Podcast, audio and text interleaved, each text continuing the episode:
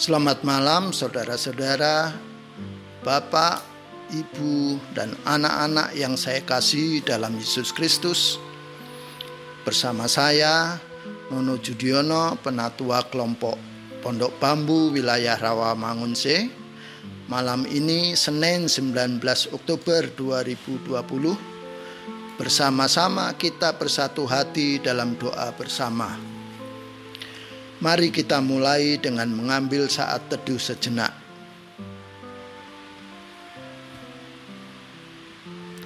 Bacaan malam ini kita ambil dari 1 Samuel pasal 18 ayat 6 sampai 11. Tetapi ketika pada waktu mereka pulang, ketika Daud kembali sesudah mengalahkan orang Filistin itu, Keluarlah orang-orang perempuan dari segala kota Israel menyongsong Raja Saul sambil menyanyi dan menari-nari dengan memukul rebana, dengan bersukaria dan dengan membunyikan gerincing.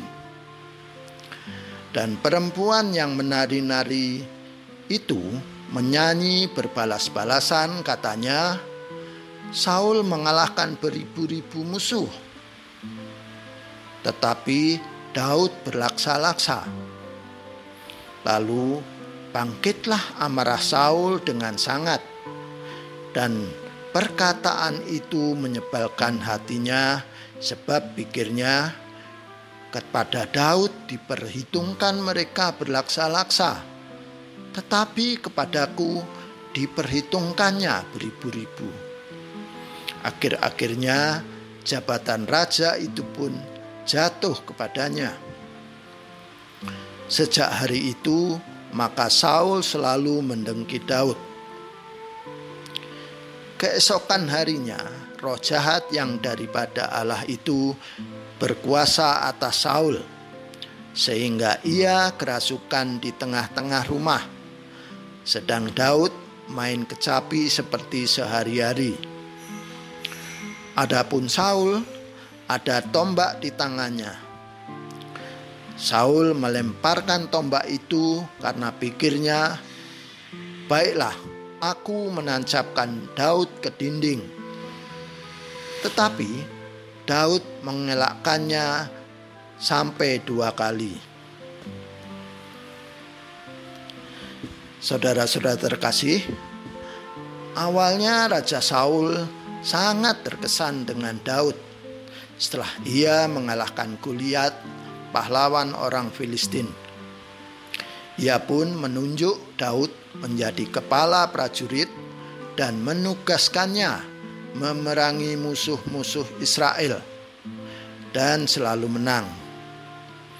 Ketika rakyat mulai menyanjung Daud melebihi Saul, sang raja merasa tahtanya terancam.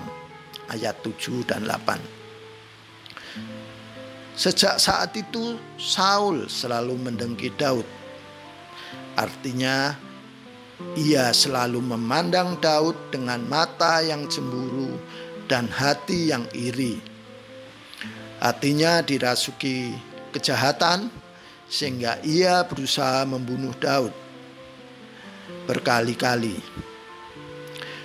Karena upaya itu gagal, Saul mengangkat Daud menjadi kepala pasukan seribu agar ia menjadi yang terdepan dalam segala gerakan tentara agar ia terbunuh di medan perang.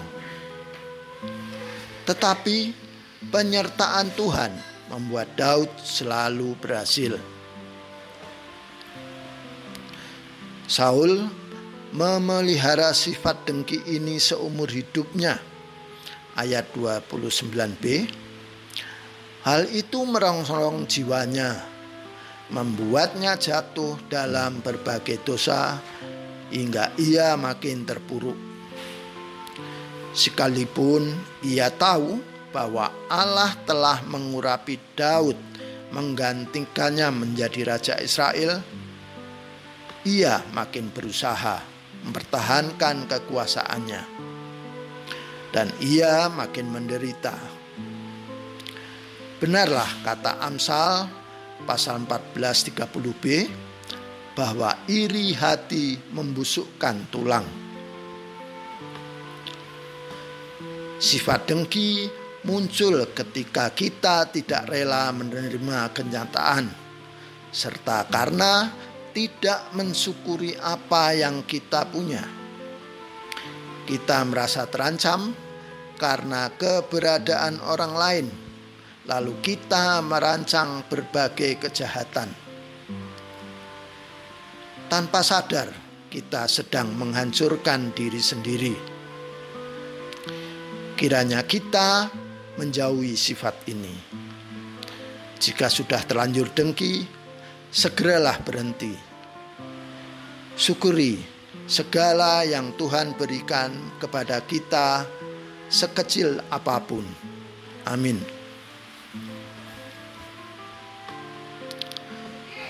Malam ini kita akan berdoa bersama. Kita awali dengan menaikkan doa Bapa kami yang kita ucapkan bersama-sama dengan keluarga. Setelah doa kami, kita akan melanjutkan dengan doa syafaat. Mari kita berdoa. Bapa kami yang di surga, dikuduskanlah namamu, datanglah kerajaanmu, jadilah kehendakmu di bumi seperti di surga. Berikanlah kami pada hari ini makanan kami yang secukupnya, dan ampunilah kami akan kesalahan kami, seperti kami juga mengampuni orang yang bersalah kepada kami. Dan janganlah membawa kami ke dalam pencobaan, tetapi lepaskanlah kami daripada yang jahat. Karena engkaulah yang punya kerajaan dan kuasa dan kemuliaan sampai selama-lamanya. Amin. Ya Tuhan, pada malam hari ini kami hendak bersyukur untuk segala berkat yang Engkau berikan kepada kami, besar maupun kecil. Ajarlah kami untuk senantiasa bersyukur tentang apa yang kami miliki sampai saat ini. Ajarlah kami untuk selalu percaya bahwa Tuhan memberikan berkat kepada setiap orang seturut dengan kebutuhannya masing-masing. Jangan biarkan kami menengki iri akan berkat dan kesempatan yang dimiliki orang lain namun biarlah kami juga dapat bersyukur dan bersuka cita atas rezeki yang diterima dan dimiliki oleh sesama kami. Dalam pengasihanmu kami mohon.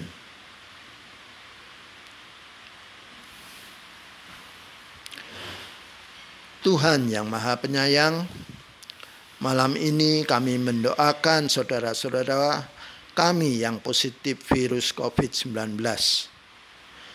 Tuhan kuatkan mereka dalam menjalani masa karantina dan pengobatan. Kami mohon tenangkan batin mereka, berikan pikiran yang positif agar proses penyembuhan boleh berjalan lebih lancar. Sehingga hati yang gembira adalah obat. Berkati juga keluarga, yang senantiasa dengan penuh cinta mendukung. Tuhan, kami menyadari momentum ini menjadi kesempatan bagi kami untuk saling mendukung, bukan saling memberi stigma atau menjauhi saudara-saudara kami. Dalam pengasihanmu kami mohon.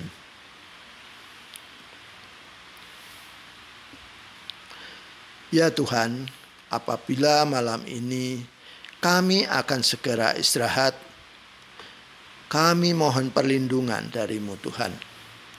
Kiranya besok kami masih diberi kesempatan untuk bangun dari tidur dan menikmati hari pemberianmu. Kiranya esok menjadi hari yang sungguh baru, hari yang segar dan penuh berkat dari Tuhan. Izinkan kami esok memperbaiki kesalahan yang kami lakukan hari ini.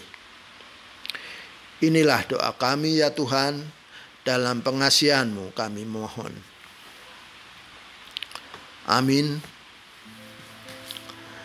Selamat malam, salam kasih dari kami, Rono Yudiono, Penatua Pondok Bambu, wilayah Ramase, dan selamat beristirahat.